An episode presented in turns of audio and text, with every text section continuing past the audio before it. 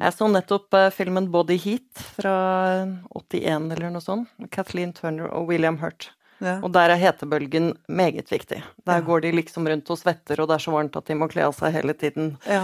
Og litt sånn eh, Det er utroskap og, og litt sånn eh, smygende saksofon. Ikke sant? Det Ja, men- spiller veldig på sånn Men hvis du må kle av deg hele tida, Ja. så ligger det jo til rette for at det blir eh, utroskap.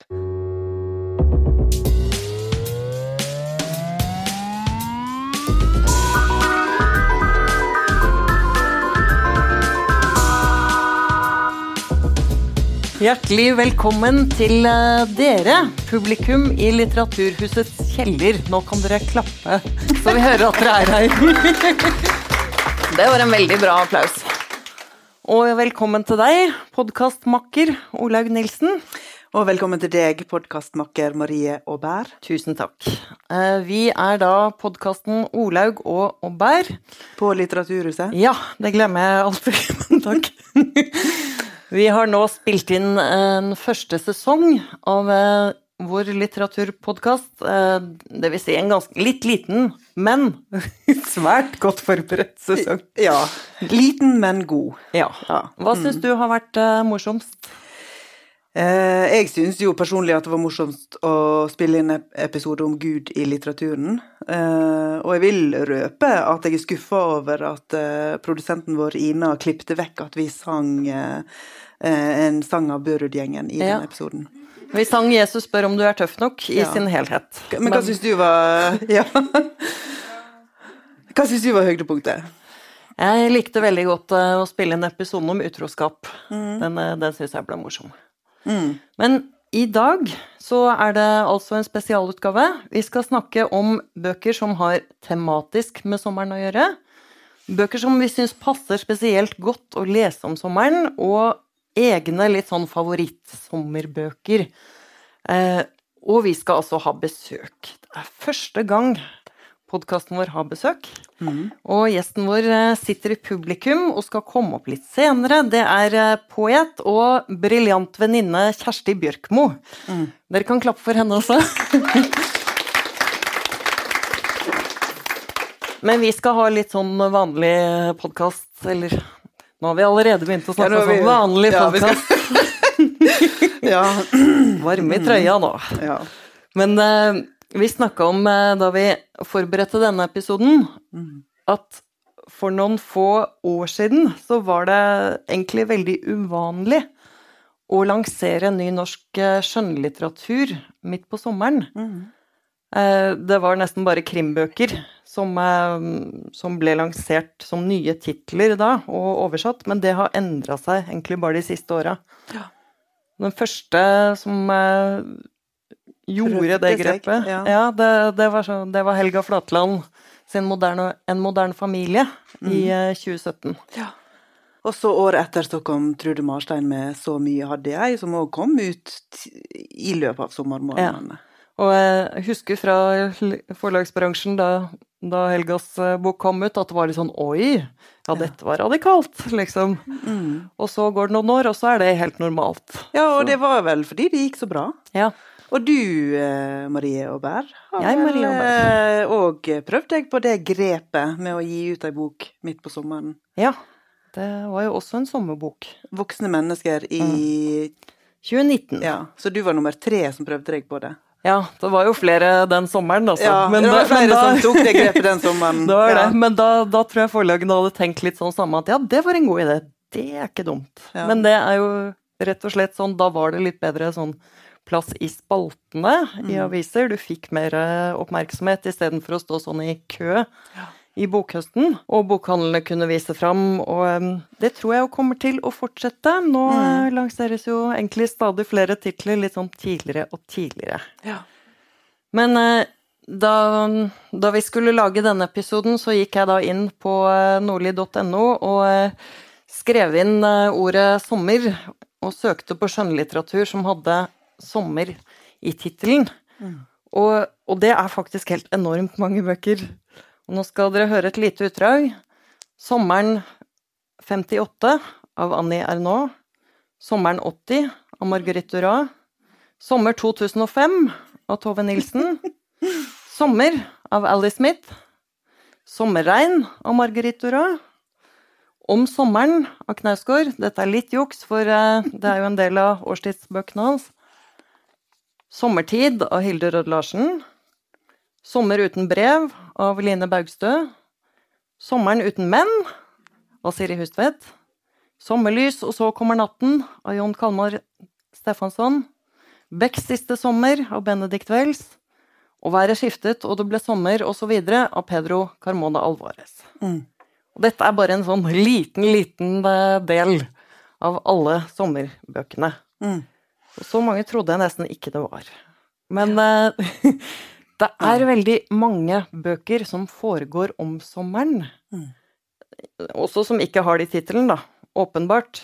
Så det er jo en god del forfattere som bruker eh, sommeren som et litterært grep. Mm. Eller utgangspunkt. ja, eller et litterært motiv, eller Ja. en eh, Ja. Hvorfor Ja. tror du vi mann gjør det?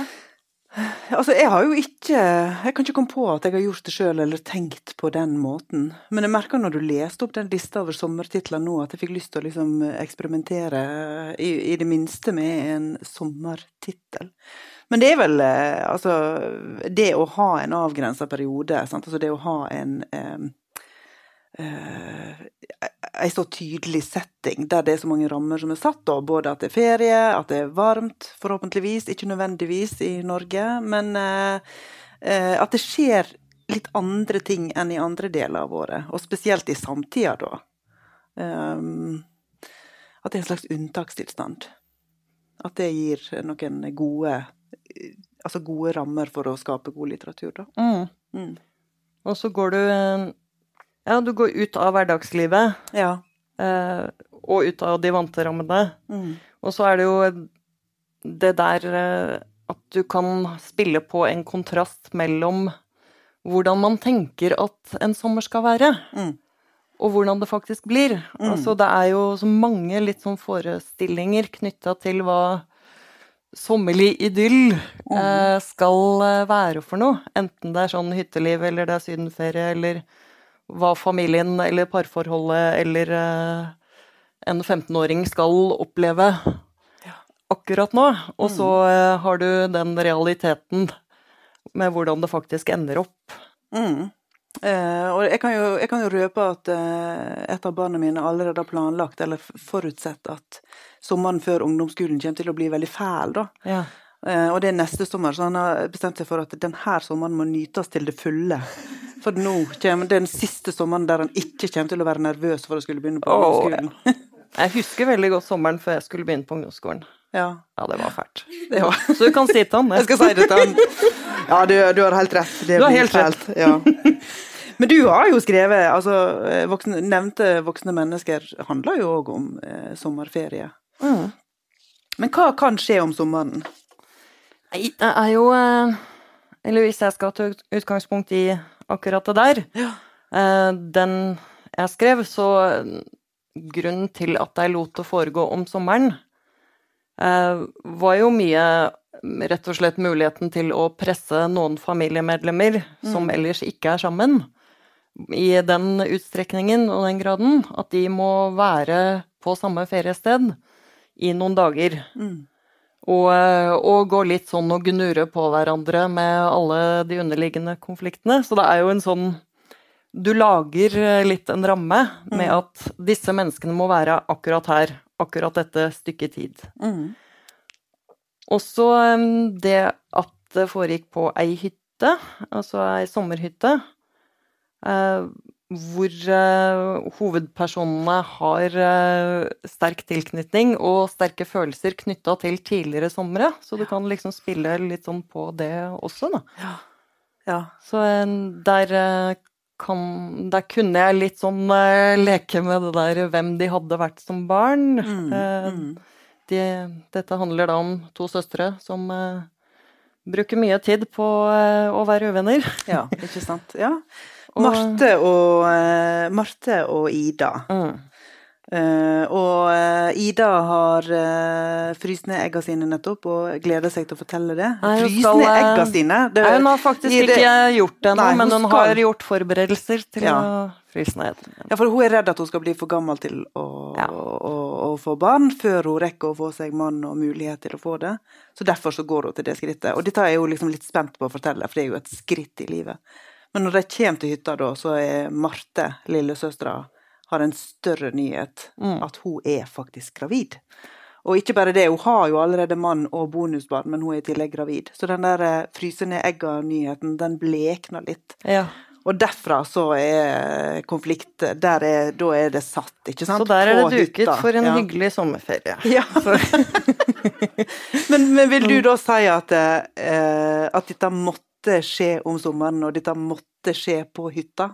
Eller kunne det ha vært lagt til ja, juleferien på Høgfjellshotellet? Ja, det kunne nok det òg. Ja. Men det var litt sånn forutsetning at de eh, de måtte samles, og det måtte være også en anledning til å ha med sånn som eh, mor og da Martes familie, at de må presse sammen. Mm. Og så liker jeg jo godt eh, Eller jeg har jo hytte ved sjøen selv, og det er sånn som folk ler litt av nå. Sånn ja, det skal du dit, det blir vel hyggelig? Liksom. og så ler de. Ja. Men eh, så jeg hadde lyst til å bruke det derre litt sånn sørlandssommeren og det landskapet og kjøre båt og det der å ha vært et sted år etter år. Ja. Sånn som man er med sånn eh, hytte man har langvarig tilknytning til. Da. Mm. Bruke det som en effekt. For jeg har tatt med meg en bok som er litt Som ikke er helt Ja, ulik som er litt de. beslektet. Ja, og det er Nå kan jeg jo vise den fram, det er litt herlig. Anne Oterholm eh, sin roman 'Tilfeldigvis begjær', som kom ut tidlig på 2000-tallet. Eh, og den foregår om sommeren, og det er veldig varmt. Eh, og den handler Hovedpersonen heter Tyra. Hun er 29 år og jobber på et bibliotek. Og det er liksom Det er egentlig ikke så masse mer du trenger å vite om henne, fordi at det, det foregår på et sånt overfladisk plan hele veien. Uh, og hun reiser på ei hytte Mm. sammen med sin kusine, da, riktignok. Kusina og mannen til kusina. Og den heter 'Tilfeldigvis begjær', så en kan jo bare tenke seg hvordan det går. Eh, og for Tyra Ja, Tyra ligger med mannen til kusina. Og eh, Tyra reflekterer ingenting over eh, skyld eller skam, eller at det er noe umoralsk i å gjøre det. Eh, og det er på en måte Det er noe av det som boka er ute etter å beskrive. Altså rett og slett at hun er helt Det det er helt tilfeldigvis. Hun ligger med han. Mm. Hun har lyst til å ligge med han, hun gjør det. Det er liksom Det er det det er. Og så eh, eh, Og det er jo på en måte ei bok som er irriterende. Den er provoserende. Eh, og jeg vet ikke om jeg liker den egentlig. Og jeg husker den ennå. Ja, den har blitt værende Ja, den sitter liksom godt eh, innbakt fordi at det som Anne Oterholm gjør der, er så eh, interessant, da. For eksempel så eh, kommer han eh, mannen, da, altså eh, mannen til kusina, og oppsøker Tyra seinere og liksom, ja og vil diskutere at han angrer, og at han føler skyld, og at han syns det er fælt. Men det er jo bare helt Å, orker ikke. Sant? Altså, for det, det, det hun gidder ikke det i det hele tatt. Nei. Og eh, Anne Oterholm har sagt om den boka, eller sagt om eh, hva hun ville, at hun hadde lyst å, å lage en situasjon der det er leseren som er nødt til å ta moralsk stilling. At hun tar ingen uh, Ingen eh, Altså som forfatter så legger hun ingen føringer på hva du skal synes om det. Og det er jo noe med det at liksom Det å plassere det til sommer, sant det, det er De er late, de er overoppheta, de skal liksom ingenting på den der hytta, de bare liksom lar det flyte og fare. Og det er jo i Altså det er jo Det tenker jeg er perfekt for den typen tematikk. Ja. Altså for utroskap. For eh, ja, det er ofte litt sånn sommertemaer, det også. Ja, Det er kanskje knytta litt sånn til overskridelse, den der unntakstilstanden. Mm. Og 'Syndere i sommersol' er jo kroneksempelet på den, det, og den skulle vi snakket om hvis eh, noen av oss hadde lest den, men det har vi ikke. Nei, det har vi. Og det hadde heller ikke Kjersti Bjørkmo, så der, der røk det en sjanse for oss. Men, men vi vet at, det, at den har den posisjonen. Ja, og den, eh, den har, Så vi nevner som, den ja, og så har den sommer i tittelen. Ja. Ja. Da. Jeg spurte på mm. Instagram om uh, hvilke bøker folk særlig forbandt med sommeren, og der dukket uh, Sigurd Hoels uh, 'Synder i sommerskjol' opp gjentatte ganger. Mm, mm. Så det, det, er vi som ikke har gjort hjemmeleksa vår her, det er ikke det. Ja, men vi kan jo anbefale den uansett, og så lese den sjøl, og så ta det opp igjen i første episode i høst, da. Ja. Hva syns du om den da? Da kan vi ta en samtale om det. Men en en forfatter jeg også syns eh, skildrer det der veldig godt, er jo Elena Ferrante. Jeg syns hun har noen sånn knallfine beskrivelser mm. av uh, hvordan eh, normale relasjoner uh, blir litt sånn oppløst og tøyelige, på en ja. måte. Ja. Både i denne boka som heter Den dunkle dattera, Eh, som er en sånn standalone-roman, som jeg syns er veldig god. Og, eh, og, også noen sånne passasjer i Min briljante venninne og mm. Iskia-øya, hvor uh, hovedpersonen Elena er forelska i en fyr, han uh, er forelska i venninna, hun ender med å ligge med uh, faren til han hun er interessert i. Det er, det er litt sånn flytende, halvekkelt spennende likevel. Ja. Men det, det, er også veldig knytta til den derre endeløse varmen mm. og Og det der at ting er ikke som det pleier. Mm. Ja. ja. Det er normoppløsende med mm. varme. Det er det. Vi snakker Opplever du det slik selv, Olaug Nilsen? Ja, langt på vei. Men uh, også tenker jeg jo at det er jo ikke, det er jo ikke rart at utroskapsepisoden var din uh, episode. Altså, det er jo liksom de, de, bøkene drar vi fram igjen og igjen. Mm. De liker vi, vet du. Ja. ja. og vi snakka jo også om uh, litt sånn underveis i forberedelsene her, at det der med å bruke været mm. som en litterær effekt, ja. er noe mange forfattere gjør når de mm. skriver om uh, sommeren. Og jeg assosierte det jo umiddelbart med mye krimbøker. Mm. Hvor uh, sånn Jo Nesbøs 'Marekors' og Anne Holt sin uh, 'Salig er de som tørster' er det begge steder sånn ei voldsom hetebølge i byen. Uh, og, men forbrytelse og straff mm. er jo en annen. Ja. Eh, hvor eh, Raskolnikov eh, begår eh, det her drapet på pantelånersken i et sånt St. Petersburg som er helt kvelende varmt. Mm. Og eh, den der varmestinnende, klaustrofobiske byen blir jo en sånn eh, Ja, et sånt bilde på den derre overoppheta hjernen hans. Ja, ja. Mm. Som blir liksom mer og mer uh, kryper uh, litt sånn innpå seg selv og dirrer mer og mer, da. Ja. Og når du, når du Ja, unnskyld. Ja, altså, for når du begynte å nevne krim eh, der, og Anne Holt og, og Jo Nesbø, så tenkte jeg at jeg kunne skyte inn at en ting jeg liker å gjøre om sommeren, det er å se på 'Midsummer Murders'. Ja. Men det er jo eh, kanskje noe litt annet enn eh, Raskolnikov. Og hans, det er jo noe litt annet, det, da. Det er litt annerledes, selv om det er litt eh, Det er 'Midsummer Murders' i, ja. i begge, i begge eh, kunstverk. Mm. Jeg så nettopp eh, filmen 'Body Heat' fra 81 eller noe sånt. Kathleen Turner og William Hurt. Ja. Og der er hetebølgen meget viktig. Der ja. går de liksom rundt og svetter, og det er så varmt at de må kle av seg hele tiden. Ja.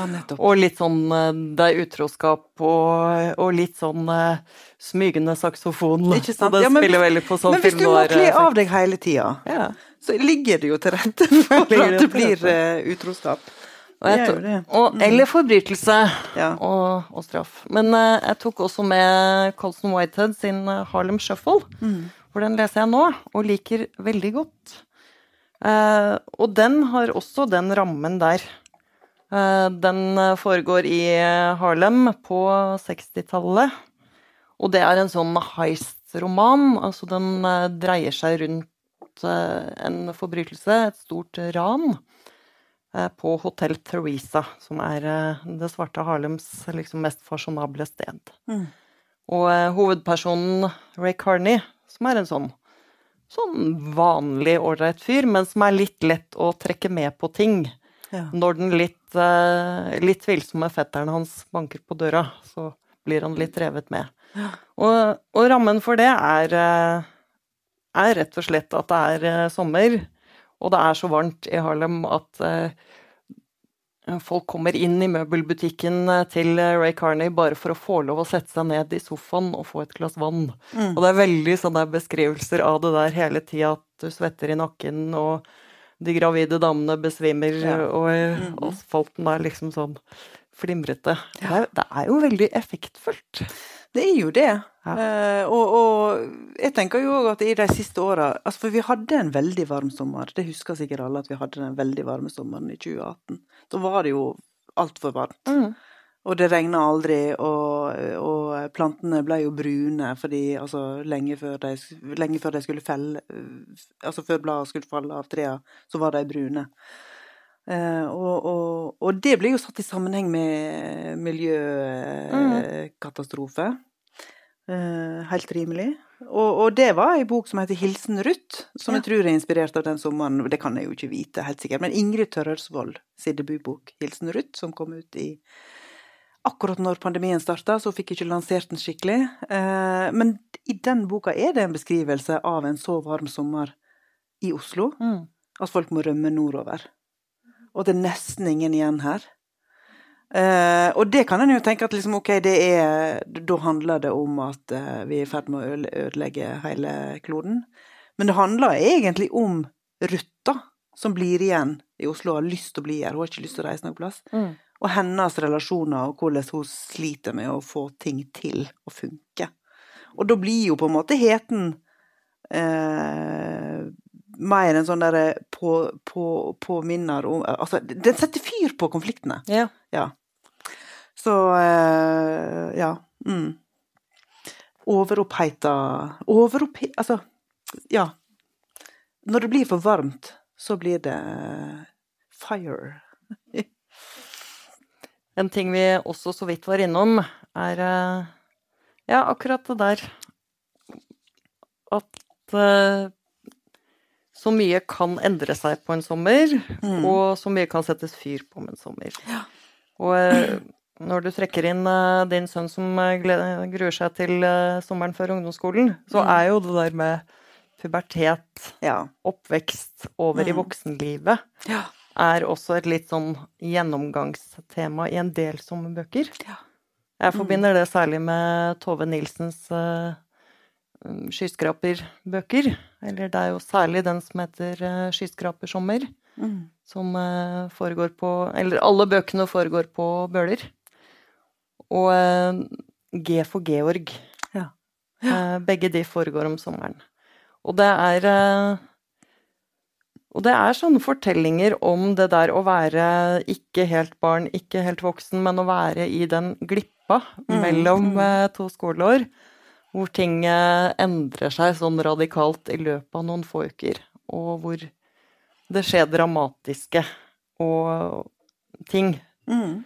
som Eller som både er dramatiske og hverdagslige for eh, et barn eller en ungdom. Da. Ja. Mm. Pubertet, rett og slett. Da. Ja, Ja. egentlig. Og jeg tenkte på 'Insektsommer' av Knut Fallbakken. Mm. Den som ble til eh, den norske filmen 'Den sommeren jeg fylte 15'. Som noen har sett litt for tidlig i sitt liv. Vi fikk se den i norskfilmtimene på eh, videregående. Ja. Ja, det, Og det er nesten helt merkelig å tenke på den filmen. Altså, den boka òg. Jeg har ikke lest boka, jeg har bare sett filmen. Men uh, Elling, karakteren til Ingvar Ambjørnsen, han hadde noen tanker om den boka i en av eh, de romanene. Han mente altså, Og Elling, han bor sammen med mora si.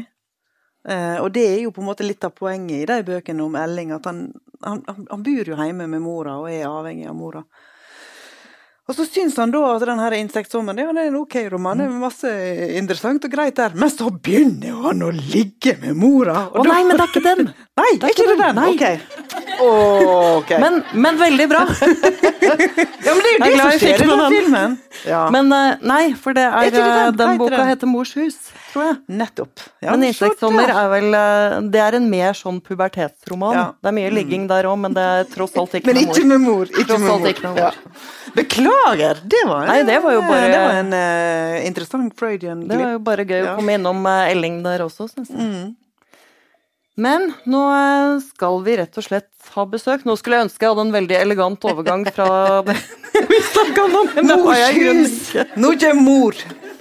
Men vi skal, eh, vi skal eh, over til, en, til det som blir litt bolk to mm. i denne samtalen. Og her skal vi snakke litt mer om sånn egne sommerfavorittbøker og sommerleseopplevelser. Og til å være med på det, så har vi fått eh, poet Kjersti Bjørkmo. Så velkommen opp til oss.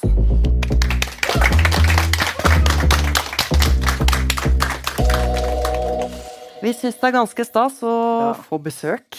Mm.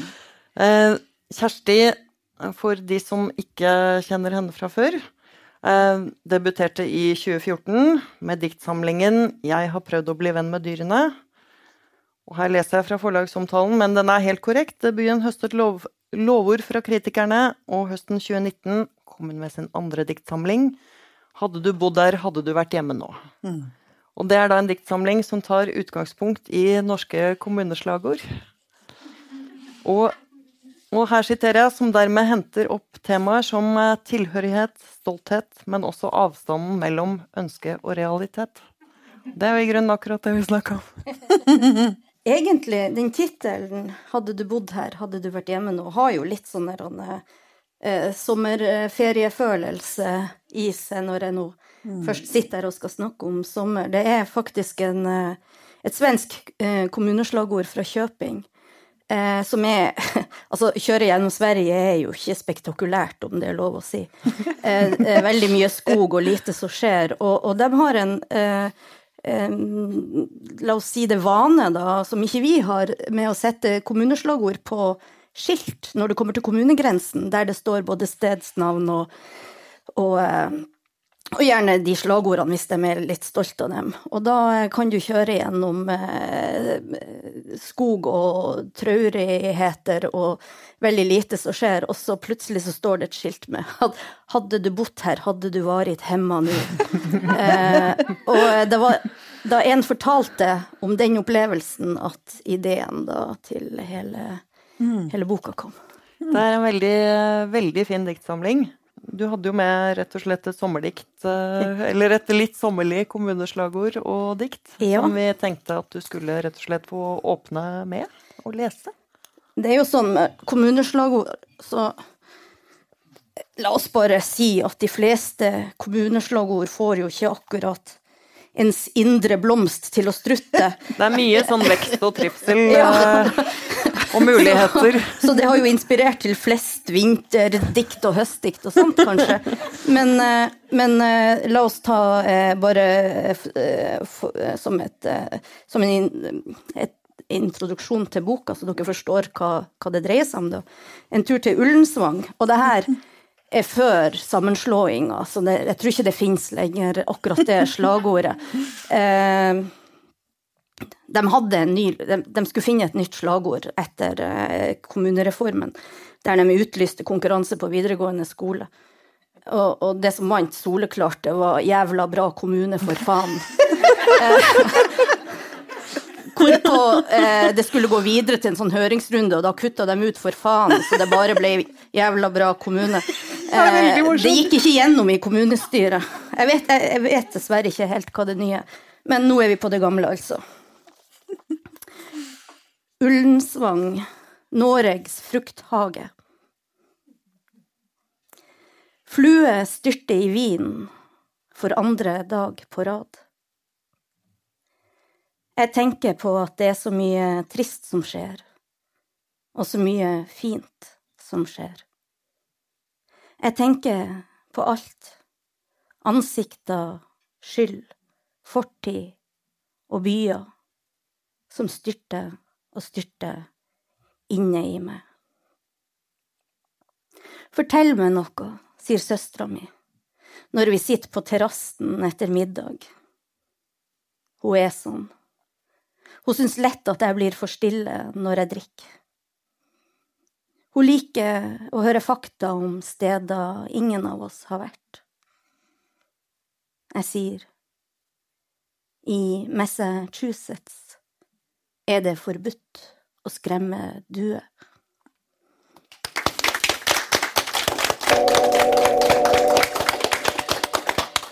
Får et ganske sånn tydelig bilde av eh, Altså, nå skal jeg si dikter, jeg, og så sier jeg deg, men Ja, ja, men det, det flyter litt i hop av og til. flyter det vel ofte litt i hop på trappa.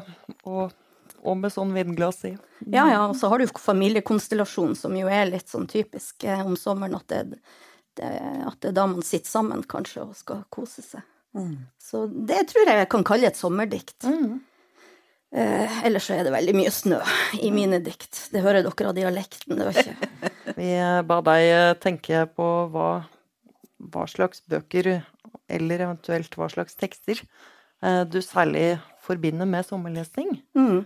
Og det er flaks for oss at du tok med noen dikt, for vi har helt klart mest romaner og noveller i denne podkasten. Vi har ikke nevnt et dikt. Vi har kanskje ikke nevnt Nei, det er altfor dårlig. Vi har det- nevnt Danny Lill Harms. Ja, men er det Men det er er, Er det dikt. forsvarstalen din? Ja, det er det. Ja, Jeg skal spare den for den. Nei, men eh, dikt skal jo ikke være noe man nevner av plikt. Nei. Eh, Så, eh, så nå er jeg her for å Og det eh, er det ikke det nå heller. Ja, sant. Ja.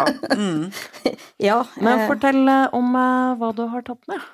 Jeg har bare tatt med et par sånne små ting som, som jeg tenker kanskje kan gi essensen av, uh, av det jeg syns sommeren har, kan være.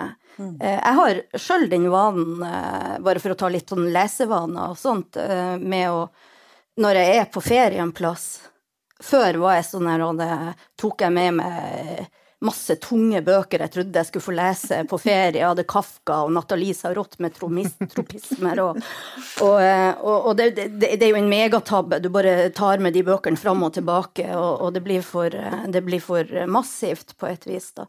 Så jeg liker å gå i bokhandler og bare spørre om, eh, om det finnes, Om de har noen engelske oversettere oversettelse av dikt som av, lokal, altså av den, den nasjonens poeter, og eh, veldig ofte så blir de stolte og glade og vil vise det fram. Eh, for de har kanskje behandler dem eh, poeter med litt større entusiasme i mange, mange land enn en vi kanskje gjør i Norge. Eh, men eh, eh, et ut av de diktene jeg hadde lyst til å bare eh, dele med, med dere, er rett og slett fordi at jeg ble sittende på hytta i, i fjor sammen med min bror. Jeg tok den med på hyttetur eh, og leste høyt til mora mi. Fordi eh, det her er da Hell Sirovitz sin Sa og mor, som Erlend Lo har oversatt. Og den er jo lettbeint, men, men alle som har, er voksne og har vært på ferie med, med foreldrene sine, de vet jo foreldre er alltid foreldre, og, og, og, og barn er alltid barn, uansett om du er 40 eller 50. Eh, og det her var veldig morsomt, så broren min og jeg hadde det veldig gøy, for hun har ei veldig bra mor, hun er ikke så veldig engstelig av seg, men hun har fortsatt sånne Plutselig så faller hun tilbake til sånne formaninger, formaninger, som om vi er barn. Og da lurte jeg på, hadde jeg valget, da lurte jeg på, veldig på om jeg skulle velge det diktet som handler om drukning, eller det som handler om hudkreft. Og dere skal få det om drukning. Eh, Men det er altså en, en samling eh, dikt som han eh, ga ut, amerikansk poet ga ut etter at mora var død. Eh, og han Boka som kom etterpå, het var også i norsk oversettelse, da, het 'Sa terapeuten min', så vi kan jo tenke vårt. Eh, Med hvordan det har vært å vokse opp i Men det her er et sommerdikt, da, hvis jeg bare kan kjøre i gang Ja, ja, ja, en veldig sånn eh, Skal vi se. Savnet kropp. Ikke svøm i havet, sa mor, rett etter at du har spist lunsj. Du kan få krampe og drukne. Du kan ikke regne med at badevakta redder deg. Det er ikke sikkert han har sett deg gå ut i vannet. Kanskje han var for opptatt med å fjerne sand fra håret sitt. Kan hende finner vi aldri kroppen din. Den kan komme til å drive videre ut på havet og ikke komme tilbake med tidevannet. Men jeg vil allikevel skaffe en gravstein til deg. Og få det til å se ut som om du ligger i grava. Jeg bare unnlater å si til folk at du ikke er der.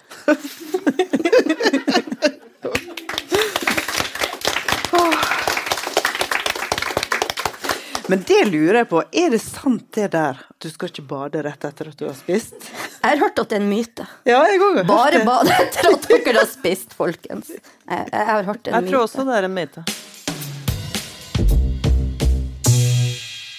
Du har med flere dikt også? Du, jeg har, jeg har ett til jeg kan ta, sånn på rappen. Det, det er da en britisk eh, poet som jeg har blitt veldig glad i, som jeg bestandig kjøper eh, diktsamlinger når jeg er i eh, England. Jeg liker å feriere i England. Men nå skal jeg ta en eh, norsk oversettelse.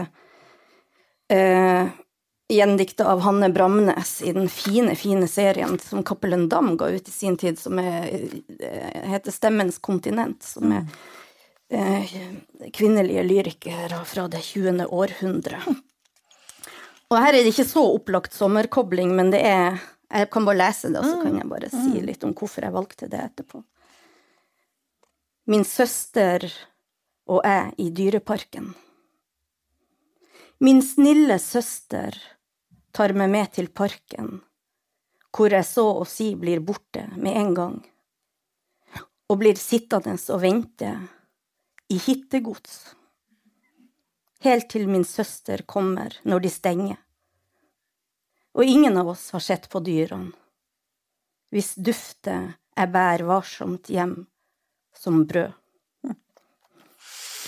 Og det er fint. Det er veldig fint. Jeg er kjempeglad i den, eh, i den boka og i Selima Hill. Og det der er jo litt sånn her, Anne, de minnene etter en sommer eller de der, Anne, det, det, er, det er planer, man skal gjøre det, vi skal kose oss, vi skal dit, og så glemmer, så glemmer broren din passet kanskje, og så kommer, altså det er sånn der Anne, eh, det blir noe helt annet, og så er det allikevel noe annet du har med deg hjem da, som er dyrebart, som er en eller annen sånn der, Anne, enten det som har gått tapt, det er så, det er så veldig flyktig med den sommeren, Ja. Jeg er kjempeglad i sommeren, men det er jo fordi at, eh, den, fordi at jeg er så redd den skal gå over så fort. Det fikk, fikk meg til å tenke på da jeg var eh, sju år, og vi var i Dyreparken i Kristiansand. Ja. Og jeg hadde Jeg var så fan av apen Julius, fordi vi var like gamle. Han var også født i 79. Og jeg hadde lest eh, boka om Julius, og så eh, og Det var mye liksom oppbygning til det store møtet med Julius, sånn som jeg husker det. da. Og så kommer vi til det apeburet, og jeg kan jo ikke se hvem som er Julius. Og det, og det er bare sånn eh, folk står og diskuterer. Er det den der? Er det den? Og det, det er litt sånn antiklimaks og forvirring. Men så får jeg et eh, håndkle med Julius på og en T-skjorte med Julius, og så er det, er det i grunnen greit nok. Kan si at jeg har møtt Julius. Og det diktet får meg òg til å tenke på alle de der armbåndene som du kan bestille til barn, der det står telefonnummer inni armbåndet. Ja, så de ikke skal bli borte. Så de ikke skal bli borte. Ja. At faktisk er noe som går an å gjøre, mens en sikkert før skrev eh, telefonnummeret på armen eller eh, med kulepenn eller noe annet. Eller ikke gjorde det i det hele tatt, for virkelig å forverre den erfaringen for barnet om å bli lost. Hva slags eh, barndomsleseminner har dere som gjelder sommer? Altså hvilke bøker husker dere, eller leseopplevelser fra sånn eh, barndom, oppvekst? Altså, jeg kom på boka 'En god dag' av Einar Økland. Og grunnen til at jeg kom på den boka, det var at du, Marie, hadde posta en Insta-story der du skrev 'En god dag'. Og du skriver jo ikke nynorsk. Nei, det var en referanse Så det var en referanse boka. til den boka. Eh, og så meldte jeg deg da og sa ja, Einar Økland. Og da svarte du ingen andre tok den referansen. Og det kan jeg jo godt forstå. Men for meg så er den boka En god dag. Det er en barnebok. Eh, kom ut på slutten av 80-tallet. Eh, og vår, vårt eksemplar hjemme av den boka hadde et gulleple Ja. på. For den hadde vunnet en sånn pris i en internasjonal konkurranse. Eh, tegneren til barneboka er Wenche Øyen, som òg illustrerte 'Farvel-Rune' av eh, Marit Kaldhol, som veldig mange husker. Så det er liksom sånne mjuke akvarelltegninger. Og eh, det var jo lenge siden Altså, jeg, jeg fant, fant den fram på Nasjonalbiblioteket for å liksom bla gjennom den. Og den var faktisk overraskende varierende. Fordi det jeg husker, og når vi snakket om det, det du husker òg, var jo at Ernst og Gro og Knut rodde til en holme og opplevde eventyr på den holmen. Men faktisk, i boka så er de bare en kort stund på den holmen. Hmm. Det er bare det at det skjer så utrolig mye i den boka. Det er tre barn eh, som er på, først på rotur og forsvinner litt for hverandre. Mister åra. Men så ror de tilbake igjen. Og så skjer det masse på land igjen. For eksempel er det en av de som forsvinner i myra. Han, liksom, han, han Ja. blir sugd opp av myra, sånn at bare armene stikker opp. Eh, og, må, og da må Ernst, som er den eldste, legge greiner utover for å liksom komme og dra han opp igjen. Så det er sånn dramatisk Ja, det er masse eh, drama. Det er masse drama. Ja. Ehm, men det er både det at det er en sånn lang dag der veldig mange ting skjer, der ingen voksne er involvert, der de tre barna ordner opp sjøl og opplever ting sammen. Ehm, og så er det de tegningene til Wenche Øyen som er mjuke og liksom litt, står litt i kontrast egentlig til det dramatiske som skjer, men likevel er veldig uttrykksfulle. Så når de er litt sånn sinte på hverandre i boka, så, så ser vi det godt i de ansiktene der, altså. Uh, og så er det det at når de kommer hjem igjen, så sier mor alt det som mor, de venter at mor skal si. Jeg tror det er omtrent akkurat det som står. Og så har de med ei flaskepost som de har funnet på øya. Og så drar de ut papirlappen fra flaskeposten, og så står det ikke flytt på denne flaska, la den ligge der nær altså, Dette er sitert etter minne. Helsing Einar. Så det der metaperspektivet oh, ja, med Einar. Økland, at han ville ikke at de skulle flytte på den der flaska, det gikk meg hus forbi i barndommen, absolutt. Men det var litt artig å se eh, når, jeg leste, altså når jeg leste den på nytt. Men så, for de kommer hjem til kvelds. De eter masse brødskiver, drikker masse melk. Det er en sånn der eh, trygg oppsummering av hele dagen. De har opplevd masse spennende, men de kommer hjem og eter disse skivene og drikker all den melka, og så går de og legger seg og sover. Så det, det er liksom helt sånn der, Orden gjenopprettes, eller eh, ja, orden gjenopprettes. Og Ragnar Hovland har sagt i et intervju en gang at når han skriver barnebøker, så det kan være veldig ille det barna opplever, men de må få minst ett godt måltid i løpet av boka. Og det er jo eh, Jeg forstår jo godt hva han mener med det. Det ligner også litt på min eh, store barndomssommerbok. Og, og dette er jo litt sånn Jeg kan ikke huske om jeg har lest den om sommeren. Eh, men det er sånn Det er akkurat som det, denne boka er et konsentrat av alt som er sånn sommer og barndom, for det er vi på Saltkråkan. Må vise han fram. Astrid Lindgren. Jeg har den med meg. Sånn ser den ut. Og her er det jo sånn de, Veldig, veldig mange har sett uh, TV-serien mm. på Saltkråkan, men jeg har funnet ut at det er ikke så mange som har lest boka. rett og slett. Jeg har ikke. Har du? Det flyter litt i hop, men jeg husker at det er nøyaktig sånn boka ser ut, så jeg hadde den hjemme. Mhm. Så jeg har, jeg har nok fått den lest høyt for meg, for jeg husker så veldig godt eh, omslaget. Men den er jo sånn jeg leser eh, rett som det er, altså. Jeg syns den er skikkelig Tar du den fram og koser deg med å lese litt i den? den, det er eh, Jeg ble spurt en gang om hva som er din trøstebok. Mm. Og det er min trøstebok. Det er sånn hvis det stormer i livet, så leser jeg Vi på Saltkråkan. For den er ultratrygg, og den er så koselig. Og det er eh, rett og slett sånn Astrid Lindgrens fortellerstemme eh, som eh, er på sitt eh, litt sånn mest lune og mm, humoristiske. Og med et sånt perspektiv som både er et voksenperspektiv og et barneperspektiv på en gang. da.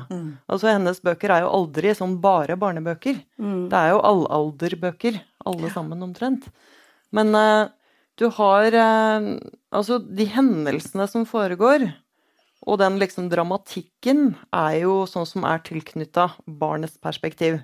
Det er, det er liksom eh, barn som eh, ror ut i eh, en robåt, og så blir det tåke, og så finner de ikke veien hjem, og så er det Den store klimakset er at båtsmannen, den store, snille hunden, kanskje må skytes fordi de, de tror at båtsmannen tar sau. Men i siste øyeblikk så liksom Det, det er ikke Båtsmann som har tatt det, det er reven. Så det, det er jo sånn barnedramatikk, på en måte. Men det Ja, er det, til det der er på eh, kanten for enhver. ja, det er jeg helt enig i. Den, den er nesten over, altså. Jeg er enig i det. Men, eh, men det er noe i hvert fall Skyte som eh, båtsmann. Det går ikke an. Jeg husker ja. ikke det hele fra Nei, det TV-serien. Ja, men det går bra, for Nisse klarer ikke skyterbåtsmann, og så kommer Ja, det er fryktelig trist. Men, men det går bra. Poenget. Men, er ikke det litt kontrakten men det med leseren i det? ja, at, det det skal, at det går bra? Det At du, skal du gå vet bra. egentlig litt? Og så eh, er det samtidig så er det Fortellerstemmen er til tider ganske voksen. For du har ganske mye av historien som er Malins dagbok, rett og slett. Da. Altså storesøster Malin som eh, bare er 19 år. Man skulle tro hun var ganske mye eldre. Men hun, eh, hun er litt sånn Astrid Lindgrens forlengede øyne og ører i denne boka. Og skriver litt sånn hverdagsbetraktninger og skildrer eh, brødrenes eh, lek og faren og kjærligheten til det her gamle huset på Saltkråkan som de leier. Og, og det er hun som liksom observerer det her med nyperoser og eh, Roslagens favn og Blommande ø og den der veldig sånn svenske skjærgårdskulturen. Eh, Så det perspektivet er jo ganske voksent, men det flettes så innmari fint sammen. Så det, det syns jeg er en nydelig bok. Men det, det at hun hadde sine egne sekvenser i den boka, det beviser for meg at jeg har ikke lest den, for det Nei. visste jeg ikke. Jeg kan ikke altså. huske det i det hele tatt. Nei. Men eh, Men hva husker du av sånn barneleseopplevelser ja. om sommeren? Eh, jeg husker først og fremst at jeg leste egentlig hva som helst. Eh, for du Det var sånn Plutselig så var du Altså, jeg, jeg er jo et skilsmissebarn, så jeg var hos faren min to måneder hver sommer, og han eh, han var lærer. Han er pensjonert nå, men eh, Så han hadde jo fri like lenge som meg. Så da var jeg aldri i min hverdag, aldri i, sammen eh, der jeg var, i, den konteksten der jeg hadde skole og sånn, for han bodde i Mo i Rana. Eh, Jeg, vokste opp i Tromsø. Og eh, da var det jo i eh, Jeg var veldig glad i å lese. Så var det jo når du kom til et hus, så var det bare å dra ut. Se hva som fantes i bokhyllen. Og det er noe Det er sånn her totalt ukuratert eh, leseopplevelse. Det er ingen som sier 'den må du lese', 'den må du ikke lese'. Det er høyt og lavt, og det er Plutselig så er det ei bok som er litt for voksen, eller så er det er det, er det ei som treffer, eller så? Det var jo sagaen om isfolket blanda med Hamsun, blanda med eh, noe sånn eh, Mikkjel Fønhus med Slagbjørn Rugg, den husker jeg leste en sommer. Eh, og, eh, men den aller største sånn her eh, sommeropplevelsen jeg kan gå tilbake til oppi hodet mitt eh, med, med eh, bok Ja, ja, det var jo et hørespill, da. Så, og det var Tordivelen flyr i skumringa. Som, ja, Nå som, sukkes det eh, gjenkjennende i ja, det, er, men alle, det der er så rart, for det var en sånn felles ting i hele Norge. Det var det der at wow, det var, det var saker, det var annerledes. For da jeg kom tilbake til skolen, eh, så hadde alle hørt på det den sommeren, og det var liksom en eller annen eh, Jeg tror bare at det var mye mer spennende, det var litt mer sånn, det hadde både mystikk og, og, og, det, det handler jo om noen som er på ferie i, i Sverige, Småland. Eh, Maria så, Gripe som har skrevet Maria. Gripe sin eh, eh, Og den altså gikk jeg tilbake og prøvde å Jeg husker det som en sånn fantastisk opplevelse. Jeg kan liksom høre knitringa av barnetimeposen min og de der små skumbilene og gelégodteriene og alt det som er veldig Veldig eh, mye sansbart i det. Så prøvde jeg å høre Det ligger jo ute, man kan jo gå og høre. Kan jo høre første episode eh, nå.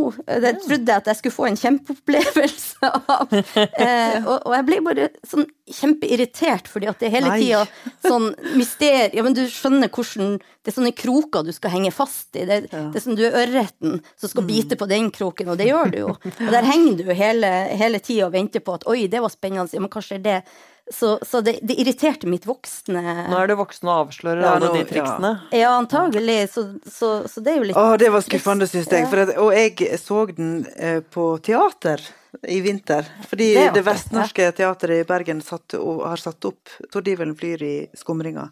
Eller 'Skyminga', som den heter når jeg leste den. For eh, den ble gitt ut både på bokmål og nynorsk. 'Tordivelen flyr i skyminga' har jeg lest. Eh, Men å se det teaterstykket var ganske interessant, altså, for det var, det var mye jeg hadde glemt som foregikk. Og det er litt det samme som det du sier med at du gjennomskuer det, sant? men òg at jeg syns det tok for lang tid mystikken. Ja. Altså, det, det, tok for lang tid. Ja, det var for masse greier. For mange, eh, ja. for mange runder ja. før de kom til målet. Men, men, eh, men den der, for, for, det jeg husker best fra den, for jeg òg hørte den på hørespillet jeg tror kanskje jeg hører altså at Opplevelsen av hørespillet var kanskje mer eh, sterkere enn selve lesinga. Mm. Men det er jo det der liksom At det er noe spøkelsesaktig, sant. Altså det er noe du, noe du ikke helt får forklart. Mm. Og det samme var i teaterstykket, så jeg syns teaterstykket var vellykka sånn sett, altså. Men ja. leser dere andre bøker, eller nå nevnte du jo litt det, at eh, man har mm. litt sånn ukuratert eh, sommerlitteratur, men hvordan er det nå? Altså, leser dere andre bøker om sommeren enn dere gjør ellers? Lettere eller tyngre eller Ja, jeg har jo lært, jeg var litt inne på det i stad, jeg har jo lært at jeg ikke skal være så ekstremt ambisiøs. Mm. Eh, og så, jeg vet ikke hva jeg skal kalle det, pretensiøs i Det er ting jeg syns jeg burde lese. Det skal jeg slutte med å tro jeg skal lese om sommeren. Eh, eh man, man, har på den ene, ene sida kanskje den der drømmen om en, en, eller annen eh, historie man bare kan forsvinne i, la, da er vi i romanland, sant.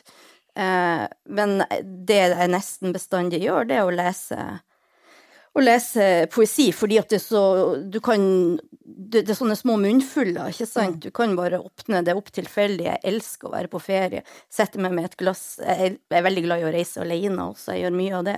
Så kan jeg heller møte venner på slutten av ferien eller mm. noe sånt. Men, men, å sitte og bare ha i diktbok, lese litt tilfeldige dikt, eh, ta et glass vin og se på eh, eh at ting bare skjer rundt, mm. rundt mm. meg. Det er et veldig generelt svar, hører jeg nå, mm. jeg kommer med, men det, det, det, har blitt min foretrukne sommer. Eh, og også, ja eh, Kanskje lese Gå i lokale bokhandler og spørre hva, hva de syns eh, mm. jeg skal lese. Jeg vet ikke om jeg egentlig Altså, jeg tror nok at jeg veldig ofte, selv om jeg òg veit det du sier, sant, altså mm. du får ikke gjort det du har tenkt du skulle gjort, eh, så i hvert fall i begynnelsen av ferien så har jeg en bunke av bøker som jeg ikke har rekt å lese i løpet av året. Og, og det skjer vel at jeg, et par av de får jeg faktisk fullført òg, altså, men så bare flyter det ut. og har lyst til å lese Morgan Kane-tegneserier, eller Sølvpilen, eller se Midsummer Murders. Altså, jeg må komme tilbake til Midsummer Murders og se på ja, ja. krim på TV. Liksom det der helt ukompliserte britiske krimmen, det er åh, det er det mest avslappende som fins i hele verden. Jeg tror jeg, Men, jeg tror jeg, blir eh, Jeg tenker ofte at jeg skal lese litt sånn tjukke, digre mm. uh, mursteiner. Og nå skal jeg jammen meg lese den og den klassikeren, på en måte. Så jeg har eh, Det var en periode hvor jeg bestemte hver sommer at i, i sommer skulle jeg lese ferdig Thomas Manns 'Trolldomsfjellet'. Og det har ennå ikke skjedd. Altså, I boka er Hans Kastorp eh, på sanatorium og ender med å bli der i sju år. Og min leseprosess med 'Trolldomsfjellet' har tatt mer enn sju år nå. Så, men uh, derimot så er det andre ting som går så det griner, og det er jo sånn jeg leser veldig mye Asterix mm. om sommeren, for eksempel. Som jeg alltid har pleid å gjøre. Og så vender jeg ofte tilbake til å ligge og lese i 'Tatt av vinden', mm. som jeg leste første gang om sommeren da jeg var tolv. Og den, eh, den syns jeg jo eh, både er en helt strålende roman og en helt forferdelig roman. Den er forferdelig fordi den er eh, dypt rasistisk, skrevet på 30-tallet ja, men Tenkte du det da du var tolv? Ja. Du gjorde det? Det, ja. det er helt umulig å overse, ja. sånn virkelig. For den Det er jo den tidsepoken. Den er så tydelig. Ja, ja, ja. Liksom. Det, det, er jo en grov urettferdighet som finnes der. Ja, ikke bare det, men det men er liksom mm. en sånn omtale. Mm. Eh, av eh, slavene som at de mm. er dumme som barn, og mm. eh, he helt sånn Og dannelsen av Ku Klux Klan som et helt sånn nødvendig ja. borgervern. Den ganske drøy. Og den, den, mm. skjønte jeg godt da jeg var tolv år. Mm. den er også en veldig sånn svær amerikansk Ja, det der forslitte ordet lesefest, da, mm. av en roman. Mm. Med krigen og kjærligheten og veldig sånn drivende, og en hovedkarakter som du eh, aldri helt får lov å heie noe særlig på, og likevel ikke kan la være å engasjere deg i. Og det er mm. sånn som jeg syns er interessant. Men det mm. gjør den jo Det er jo det, er jo det store trekket ved den som gjør at man ikke blir helt ferdig med den. For du blir ikke ferdig med den hovedkarakteren, da. Ja. Eh, Jeg har òg den som en sommerfavoritt, som jeg husker i veldig Jeg vet ikke helt Jeg var i tenårene, i hvert fall. Men jeg husker den grove urettferdigheten. Jeg husker det politiske i det. Nå jeg er et sånt raddisbarn eh, som hadde politikk eh, rundt meg hele tida fra jeg ble født, egentlig. Sånn den tidens Tromsø. Eh, ganske sånn eh, sterkt politisk miljø.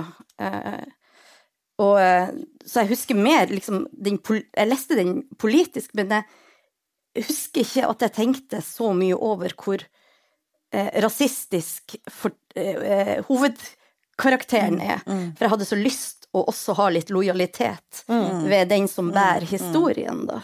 Jeg tenker at det er sånn, Den er skrevet i en veldig rasistisk tid, altså USA på 30-tallet, og om en ja. veldig rasistisk, eh, rasistisk tid. Så det er jo litt sånn, du må ta med det som en del av den historien, rett og slett. Og tenke at dette er eh, sånn tenkte både denne forfatteren og denne tida.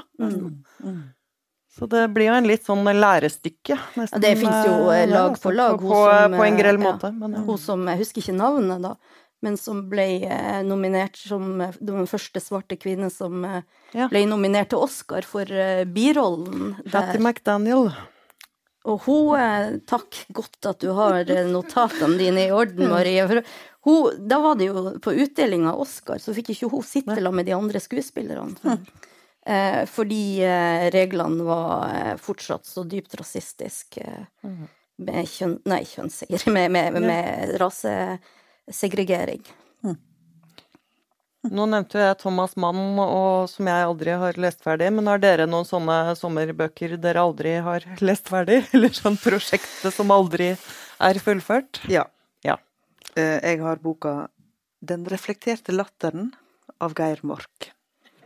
Om Nei, eh, jeg regner jo med at alle kjenner til den boka. Det kom med reflektert latter i salen Nei, det er en bok som eh, Altså, Geir Mork var eh, forlagssjef i Gyldendal, var han vel? Altså mm, åpenbart litteraturviter, så han hadde skrevet en bok om den reflekterte latteren hos Åsmund Olofsson Vinje.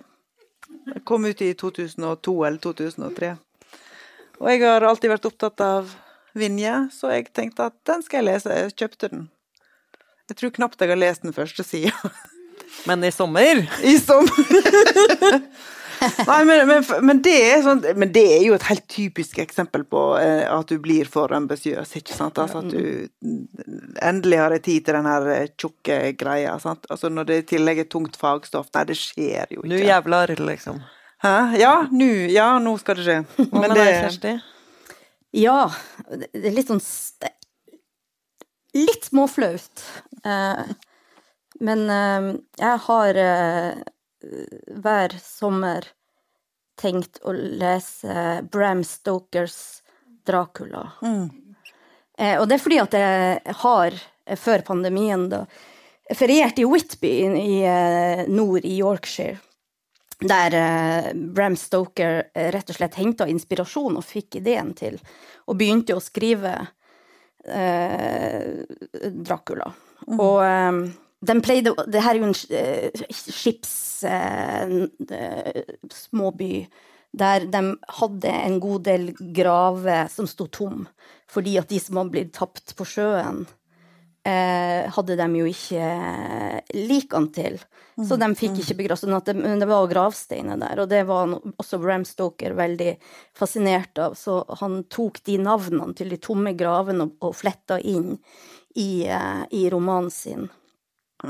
Og det fins hoteller der du kan bo De sier det var der han bodde, men du kan i hvert fall ha samme utsikt til den her ruinen som, som er Whitby Abbey, som er liksom Dracula sin eh, ruin.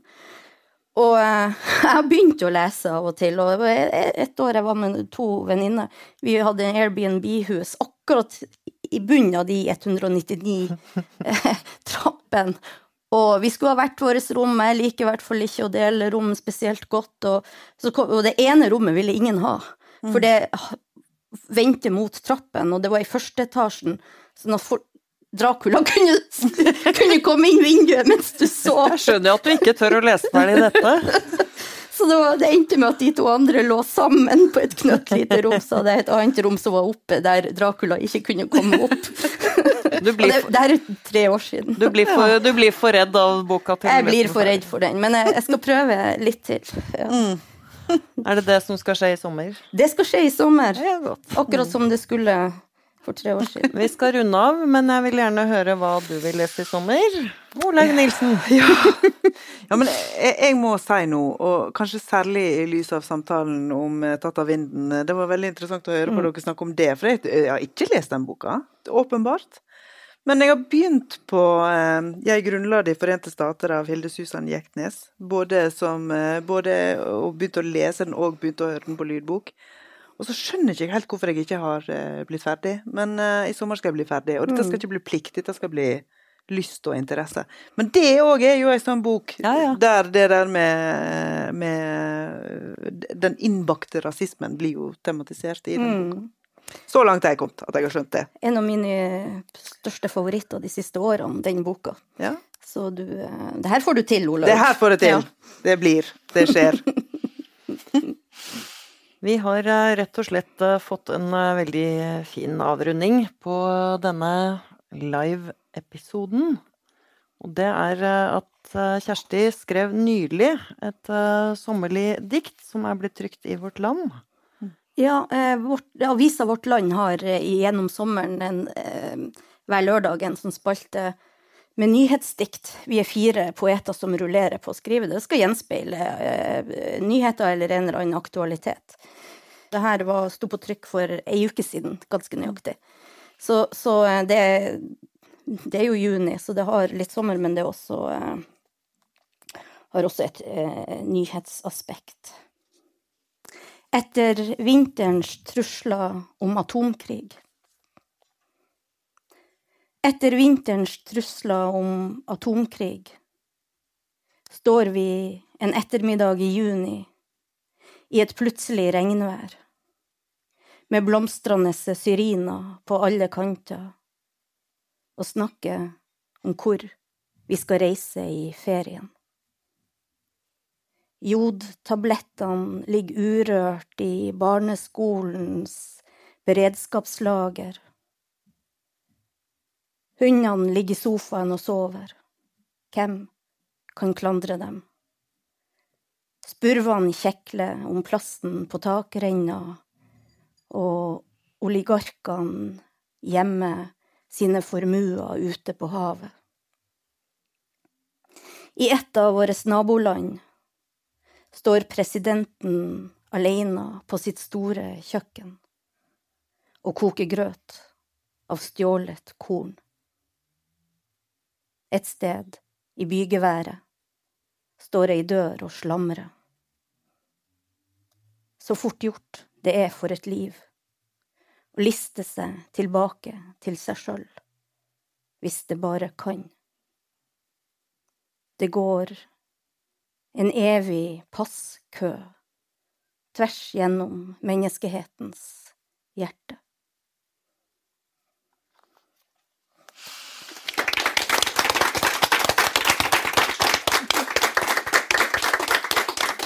Tusen takk.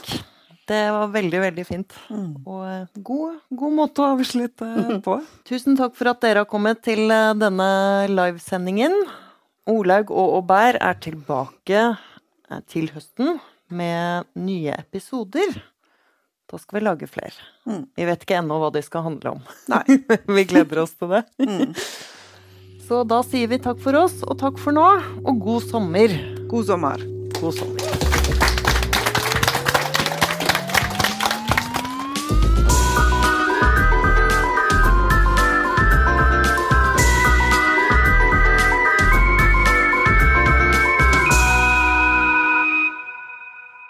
Sang du i barnegospel? Nei, sang, det heter ikke barnegospel, det heter barnekantori. Ah, oi. Ja, oi. Det var, det, ja, det var noe annet, faktisk. Ja, det var sant. Og Jesus spør om du er tøff nok til å vise hvem du hører til. Jesus spør er du tøff nok til å møte mobberne med et smil. Nå er det tid for å heise rent flagg. Ikke i morgen, gjør det i dag hvis du er tøff nok til å vise hvem du hører til. Ja, den er jo alltid Den jeg kan Ja, den likte jeg også. Ja. ja Men det er, jo, det er jo et litt grusomt budskap til barn, da. Ja. Du liksom skal være så Ja, er sterk i tråden faktisk- at du overvinner all mobbingen for å være kristen. Ja.